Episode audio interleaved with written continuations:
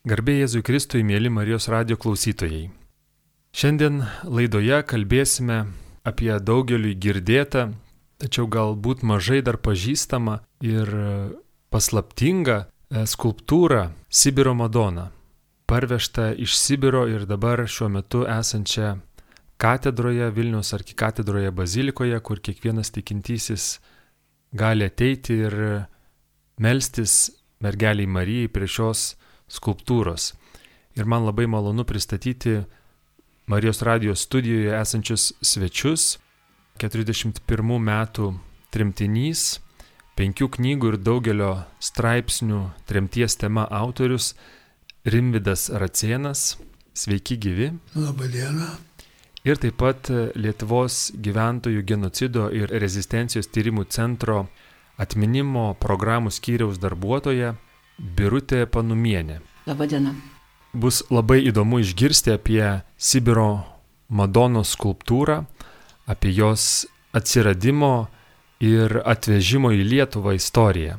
Skulptūros autorius Jonas Maldutis, gyvenęs Sibire, po to Karaliaužiaus krašte, po to sugebėjęs atsikelti ir į Ukmergę, politinis kalinys atsėdėjęs lageriuose dešimt metų ir paskui nutremtas pas ištremtą šeimą. Dar 48 metais, dar penkiems ar aštuoniems metams.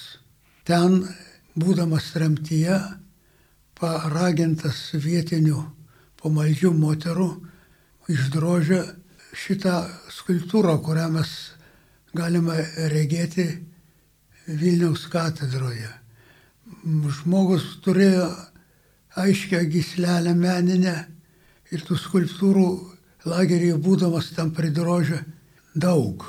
Bet e, šitą skulptūrą, kuri yra maždaug žmogaus ūgio, jis išdrožė žiūrėdamas į paprastą tokį atviruką, kuris buvo atsivežtas tremtinių. Skulptūra labai gerai nusisekė, jinai yra išdrošta iš pušies. Labai gražus veidas. Šitą skulptūrą kopijuoja paplitusią Marijos panelė švenčiausios atvaizdą, kurį regime Lietuvoje nemažai.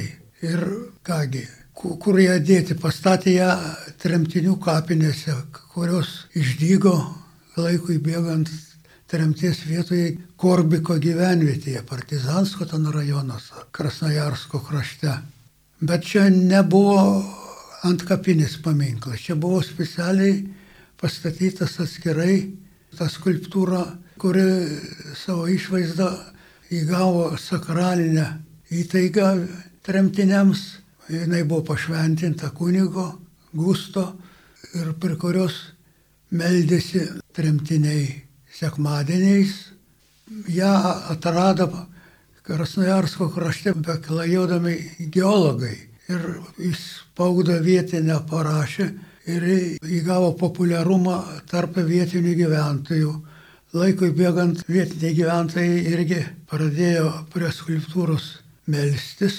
Stačiatikių tradicijoje paprastai panelės švenčiausios atvaizdas yra kopijose vaizduojamas, o taip kaip yra ir Lietuvoje, kaip aušros vartų Marija ir daugelis kitų. Va, o skulptūra jau vaizduojanti žmogaus dydžio ir natūrai, jiem buvo naujovė ir jiems irgi buvo labai įdomu. Pradėjo ne tik melstis, bet lankytis ir vestuvininkai, ir netgi būktai moteris ten meldėsi sveikatos ieškodamos, ieškodamos prie šitos skulptūros. Jį pastatyta ir išdrošta buvo 1955 metais. Madona pavadino rusai patys vietiniai. Nu, iš pradžių buvo Korbiko Madona, mes paskui po ją pavadinom Sibiro Madona. Turėjau omeny, kad jinai bus paminklas visiems tremtiniam ir politiniam kaliniam, toks apibendrinantis.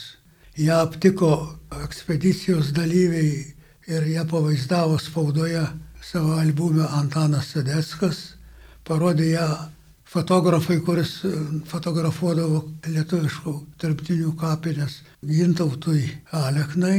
Alekna parodė man, aš parodžiau Krasnojarsko lietuvių bendruomenės pirmininkui Antanui Rasiuliui. Nu ir pa, pačiam man padarė na, gilo įspūdį. Ir aš taip nusprendžiau, kad, nu, kryželių visokių eksponatų iš tremties yra privežta tokių nedidelių visokių relikvijų daug. Nacionalinė muziejai ir kitose visokiausiuose muziejuose, kurių yra gausų Lietuvoje. Bet va, šitokį objektą pamačiau pirmą kartą, kaip sakiau, man padarė įspūdį ir pradėjau galvoti, kągi čia dabar daryti, negi paliksi jį likimo valiai, stovėjęs virš 50 metų po atvirų dangumi, aiškiai rodė sunykimo žymės. Ir tikrai taip, maždaug aš ją pamačiau kokiais 2007 ar 2008 metais, kadangi jinai buvo paliesta jau įrimo ir tikrai jau šiai, šiais laikais būtų jos nebebuvę, būtinai nuvirtusi ir supūvusi. Įvertinau ją kaip Lietuvos religinio ir kultūrinio paveldo objektą ir pradėjau sukti galvą, čia, kaip čia ją išgelbėti. Iš esmės, ta mano tokia iniciatyva buvo ko tik ne vienintelė. Ir kągi, ėmiausi žygių. Turėjau čia keletą bendradarbių Vilniuje. Na, Bet paimti tą tokią, taip sakant, skulptūrą ir nelegaliai išvežti, taip sakant, ko tik nepavokti į Lietuvą nekilo ranka. Iš pradžio, reiškia, to stepulio medžiagą pasinaudodamas, užsakiau ir padarė kopiją tos skulptūros, kuri buvo padaryta pagal nuotrauką, reiškia, daviau nuotrauką ir Dailės instituto jau baigęs mokslus, Salys jo pavardė, ją ir išdrožė. Nu, bet išdrožė jisai padarė tokį nelietuviško veido, daugiau rytietiško veido skulptūrą. Ir pasakė, o kas žino, kaip atrodė panelė švenčiausiai, aš ją padariau, kad veidas būtų panašus į mano motinos veidą. Nu, padarys tą skulptūrą, išdrožė pasitelkiau į pagalbą tokį Česlavą Mižutavičių tremtinį, sukalėm dėžę, įtvirtinom ją, nufotografavom, nu ir kilo reikalas dabar nuvežti tą kopiją. Pabandyk tu ją pro muitinę nuvežti, tai ten kiekvienam aiškinisi po pusę metų kažkaip per daiktas ir dar nežinia, kuo viskas gali baigtis. Nuvežti mums padėjo buvęs tuo metu Rusijoje ambasadorius Antanas Vinkus, gydytojas, davė savo diplomatinį autobusiuką, mes į mūsų dėžę skulptūrą kopiją į tą diplomatinį autobusiuką įkišom ir pravažiavo jisai be jokių kliučių pro visas lietuviškas ir baltarusiškas ir rusiškas muitinės. Tokiu būdu mūsų kopija šita buvo pristatyta į Krasnojarską, kurią paėmė jau į savo globą e, Krasnojarsko lietuvių bendruomenės pirmininkas Antanas Rasiulis ir Saulis Sidaras.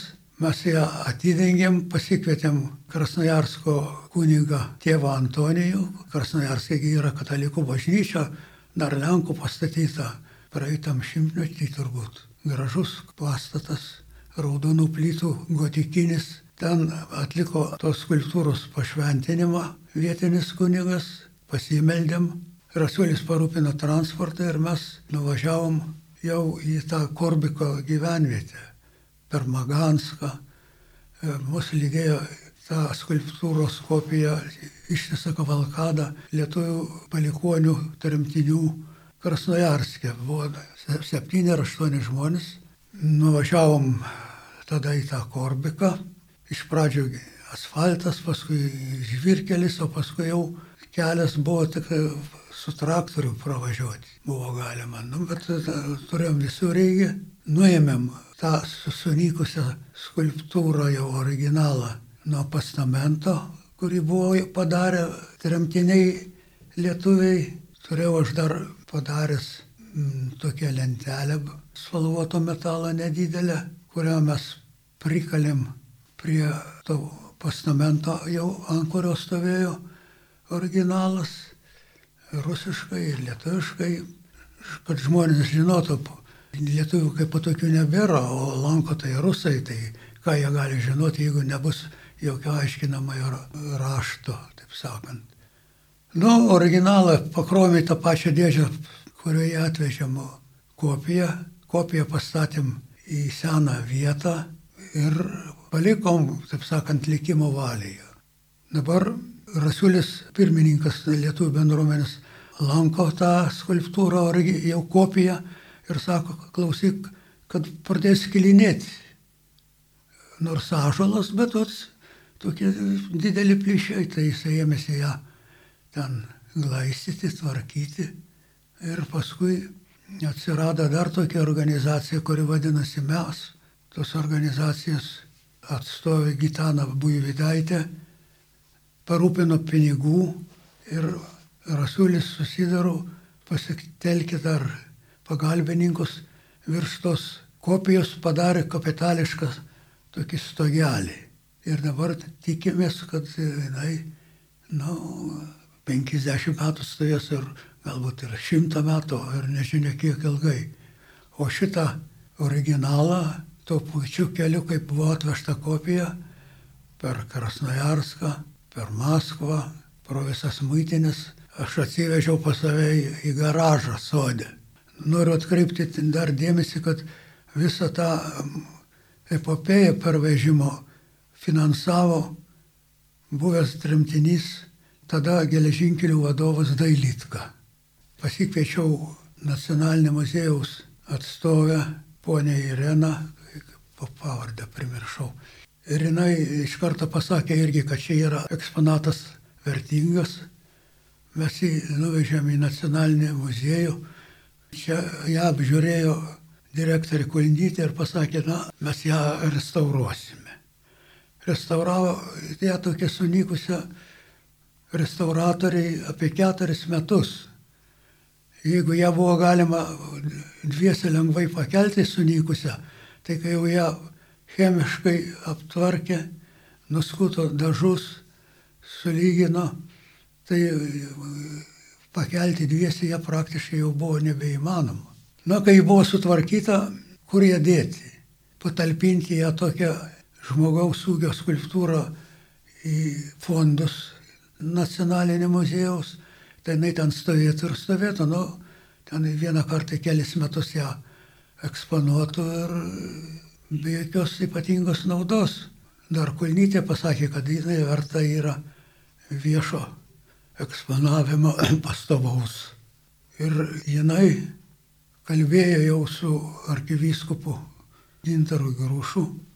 Arkivyskupas, nu, pažiūrėjo gan, nu, ne, nepasakysiu skeptiškai, neskeptiškai, bet katedroje ten visur yra marmurai ir granitai ir gipso, gipso figūros įvairios, o čia medinė skulptūra nebūdinga tokiai katedrai buvom pradėję galvoti, kad ir buvo sutikę priimti, priglausti ją Bernardinų bažnyčiui. Ir būtų, jinai ten buvo pastatyta. Bet mes nuėjom pas Nuncijų ir papasakojom tą visą istoriją, nebe Nuncijos įtakos galbūt, jinai vis dėlto atsidūrė jau katedroj. Atsidūrė katedroj. Žinoma, čia daug mums taip pat padėjo ir religinio muziejaus direktorė, kaip Maslauskaitė, taip. Ir tada padarė tas muziejus postamentą. Ant to postamento užkėlėme skulptūrą, jau originalą restauruotą. Mums pasirodė labai įspūdinga ir graži. Po kurio laiko ji buvo antrą kartą pašventinta katedrai, kaip tik buvo sausio 13-osios vienas iš jubiliejų, tai 18 metais buvo pamaldos ir paskui į, į tą koplyčią, kur yra taip pat pašvesta viskupams Reiniui ir Stepanavičiui, atėjo arkivyskupas Gintaras Grūšas, atėjo bažnyčios klebonas, atėjo dar eilė viskupų ir kunigų, ji buvo pašventinta, mes ten susirinkę pasimeldėm, nusifotografavom ir jinai įgavo pilietinės teises tokias. Dabar galvojam, kad tik tai jinai ilgai stovėtų pagal savo techninę konstrukciją, jinai dabar gali stovėti ten amžius, kadangi taip yra restauruota. Prie postamento skulptūros ponė Maslauskaitė parūpino lentą e, su tekstu Sibiro Madona. Ir sekmadieniais ta skulptūra toj koplyčiui būna atvira lankymui, o paprastą dieną būna tokie groteliai. Pastebėjom, kad vienas kitas žmogus nuolat atvyksta ir pasimeldžia prie jos, kad vis dėlto jį įgautų tokį viešo pamaldumo statusą ir kad jinai būtų traktuojama kaip paminklas visiems tremtiniams ir politiniams kaliniams, gyviems ir mirusiems, taip, taip kaip dabar Kryškalnyje padarė paminklą partizanams. Ir kad šitoje mūsų Madona taip pat įgautų tokį viešą statusą kaip paminklas, reiškia mūsų tremties ir kalinimo vargams. Įdomu būtų paklausti, Birutė, kas žinoma apie tremtinių pamaldumą dabar jau vadinamai Sibiro Madonai šiai skulptūrai, kaip buvo prie jos renkamasi, kokios buvo tradicijos, pamaldumo praktikos, kas žinoma apie to krašto ir to meto ištremtus lietuvius, apie jų gyvenimą tenai. Keli žodžiais apie patį skultūros autorių Joną Maldutį. Jis yra gimęs 1927 metais, mokėsi Linkuvos gimnazijoje pokario metais visoje Lietuvoje buvo prasidėjęs spontaniškas pasipriešinimas. Taip pat ir Linkuvos gimnazijos e, moksleiviai e, sugalvojo leisti pogrindinį leidinį Nepaverktos mintis. Šito leidinio apipavydalintojas buvo Jonas Maldutis. Buvo suimta visa jų grupė ir penki žmonės nuteisti po dešimt metų kalėjimo vien už tai, kad leido šitą žurnalą. 48 e, metais e, per didįjį trėmimą e, pavasaris buvo iš Lietuvos ištrimta apie 40 tūkstančių žmonių, Krasnojarsko kraštui teko maždaug pusė, apie 20 tūkstančių tremtinių. Ir į tą trėmimą pateko Šiaurės Lietuvos rajonai, tame tarpe Maldučio tėvai, Ir šita jų grupė, šitie sąstatai buvo nuvaryti į Krasnojarsko kraštą, išlaipinti Maganskė ir įvairiais traktoriais, sunkvežimiais jie dar buvo vežami apie 70-80 km į vieną iš pačių skurdžiausių tremties vietų Korbiką. Mes Genocido tyrimo centras turi tremties vietų sąrašais, maždaug e, apima 3500 vietų. Dar turime apie 1200 kalinimo e, vietų, kur buvo lageriai arba lageriniai punktai. E, tai Korbikas viena iš tokių skurdžiausių. Ten žmonės, jų buvo, kiek mes skaičiavome, iš viso per Korbiko gyvenvietę perėjo maždaug 240 žmonių. Jie buvo įdarbinti miškų pramonėje, turėjo kirsti miškus, plukdyti. Gyvenimas buvo labai skurdus, tas kaimelis neturėjo nei ambulatorijos, nei vaikų darželio. E, buvo žmonės, jeigu šeimoje buvo daugiau darbingų žmonių, šitie gyveno geriau, jeigu e, buvo tėvai seni lygoti, tai ten 12-13 metų vaikai ėjo į mišką tam, kad išlaikytų šeimą. E, dabar dar apie patį Joną Maldutį. Pirmiausiai jis pateko į Velsko lagerį, tai Arhangelsko srityje Sevželdor lage. E, pirmieji keli metai iki 50-ų, kol juos išskirstė, kol pergrupavo šitą lagerį, buvo nepaprastai sunkus todėl kad e, politiniai kaliniai buvo kartu su kriminaliniais, o kriminaliniai diktavo savo tvarką. Buvo laikas, kada e, Jonas Maldutis parašė tėvams laišką, kuriame buvo e, pasakyta, kad jis nebesitikė, kad išgyvens. 50 metais jį iškėlė į Irkutsko sritį, Vichorevkos lagerį, ten buvo ypatingasis lageris, režimas buvo labai griežtas. E, tačiau ten jau buvo lengviau, ypač palengvėjo gyvenimas mirus Stalinui, kada nebebuvo normuojama net duona valgyklose. Ir ten e, jisai pradėjo, labai graži aplinka to lagerio buvo, e, prieš jiems juos apgyvendinant ten buvo kalinami japonai. Japonai buvo nepaprastai sutvarkę aplinką, tvorelės, takeliai. Ir štai Jonas Maldutis ant pradeda drošti skulptūras. E, didelės, aštuonias skulptūras sportininkės, gimnastės ir mažųjų. Ten giminės sakė, kad tų mažųjų skulptūrų buvo pridrožęs tiek, kad jomis jo viršininkai spekuliavo turguose.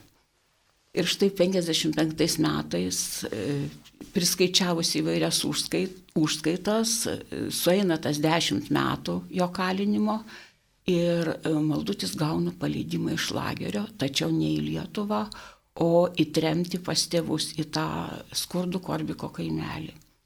Jis atvažiuoja, kažkas paprašo jo padaryk kėdę, jis padaro kėdę e, tai šeimai ir staiga visi pamato, ah, meistras atvažiavo, O dar tremiant, žmonės būdavo labai pasimetę ir e, dažnai net nepasimdavo visų reikalingų rūbų, ar net maistas kažkoks likdavo, tačiau daugelis įsimesdavo maldaknygę.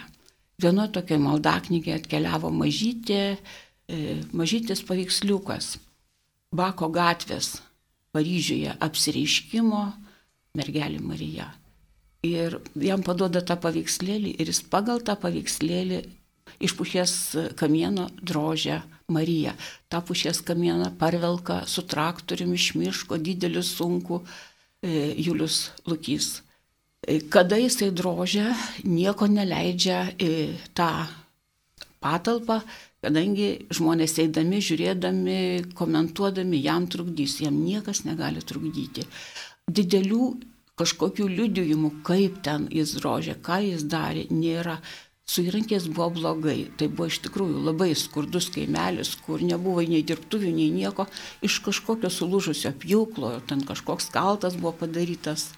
Katilevas kalvis buvo, kuris jam e, nukalė keletą įrankių ir jisai su tais įrankiais drožė. Štai pastatoma skulptūra. Žmonėms ji nepaprastai reikalinga, todėl kad e, vienintelė vieta, kur jie gali ateiti, pabūti su savo artimaisiais ir tai yra kaip bažnyčia, e, kaip jų maldos vieta, jų švenčių vieta yra kapinės.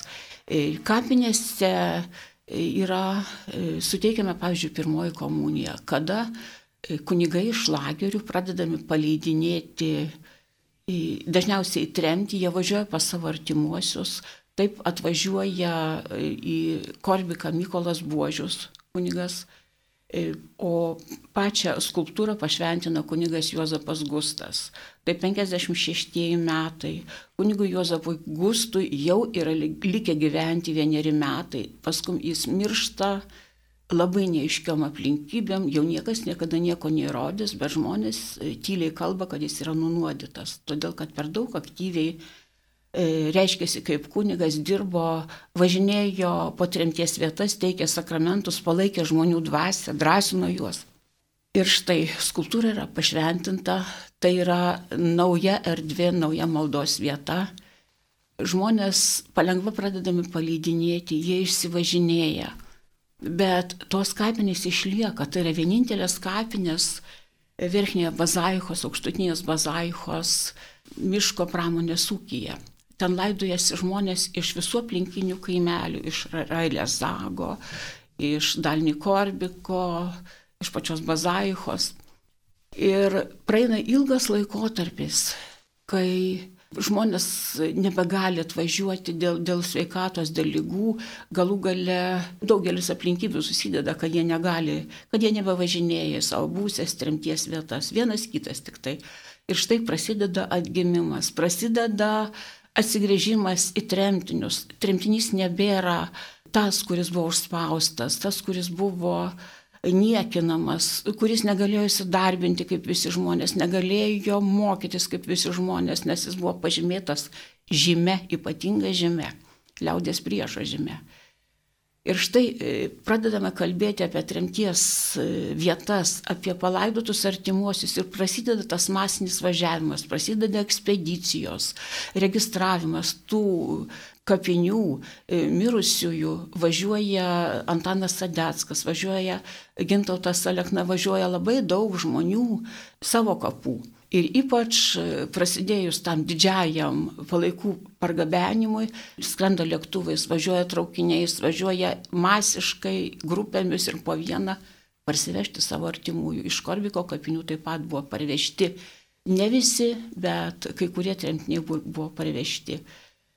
Ir štai visi mato šitą skulptūrą, visi mato, kokia jinai yra sunykus. Nebelieka e, supuvęs kelmas, kurį vietiniai apmūrijo pamatų naujų, nebelieka mergelės Marijos balsų kojų. E, skulptūra tiesiog nyksta. Ir štai Rimvido Racėno iniciatyva su didžiulė daugelio žmonių pagalba įvyksta tas skulptūros pargabenimas. Taip, jinai šiandien katedroje, jinai yra antrą kartą pašventinta, ją liečia popiežius. Tačiau norėtųsi, kad jos vieta būtų svarbesnė Lietuvos gyvenime.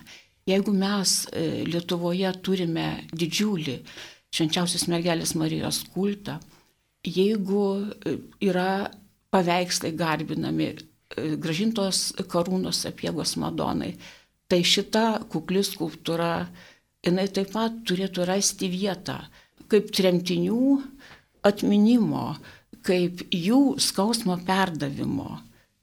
Aš dar pasinaudodamas progą norėčiau truputį apie maldutį papasakot. Ne, ne taip jau paprastai tą e, lagerį patekti, o buvo taip.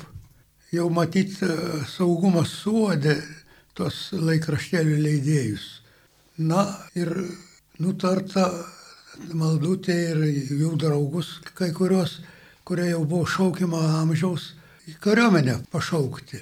Ir jau jisai su draugu Dikšas, jie jau ruošėsi eiti Joniškai į karinį komisariatą ir dar apsinakvojo pas tą Dikšą kaime Triboj. Ir vat, ta prieš prieš ar neapykanta, kur, kurią reiškdavosi stribai, baigėsi to, kad vienas iš jų toksai varijuotas, e, žinodamas, kurie nakvoja pas tą dikšą, įmetė prieš tankinę granatą pro langą. Tam dikšui, galima sakyti, nutraukė kojas, su, sužeidė ir jį paskui nuvežė į Rygą operuoti ir jis išvengė lagerio. O maldutis kojose buvo sužeistas keveldromis ir jisai iš, išliaužė iš namo į sodą ir jį iš ryto ten kaimynai rado begulinti. Tokiu būdu jį aptvarstė, nu, pagydė ir saugumas skaitė reikalingų tokį didelį nusikaltelį, kuris ten pieždavo visokius paveikslėlius ir karikatūras sienlaikraštyje, nubausti dešimčiai metų lagerio. Reiškia, kai buvo laisvės žodis gerai vertinamas. Va.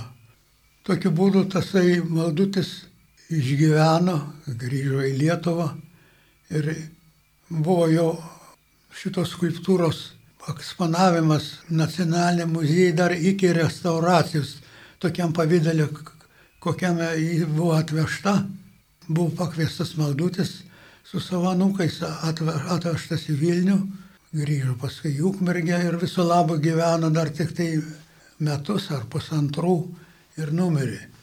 Žmogus turi tam tikrus nuopelnus ir norėtųsi, kad Ukmergėje ten yra pirminis ir tremtinių sąjungos, ir tremtinių bendrijos organizacijos, kad jos, nu kaip čia pasakius, pagerbtų jau kapą.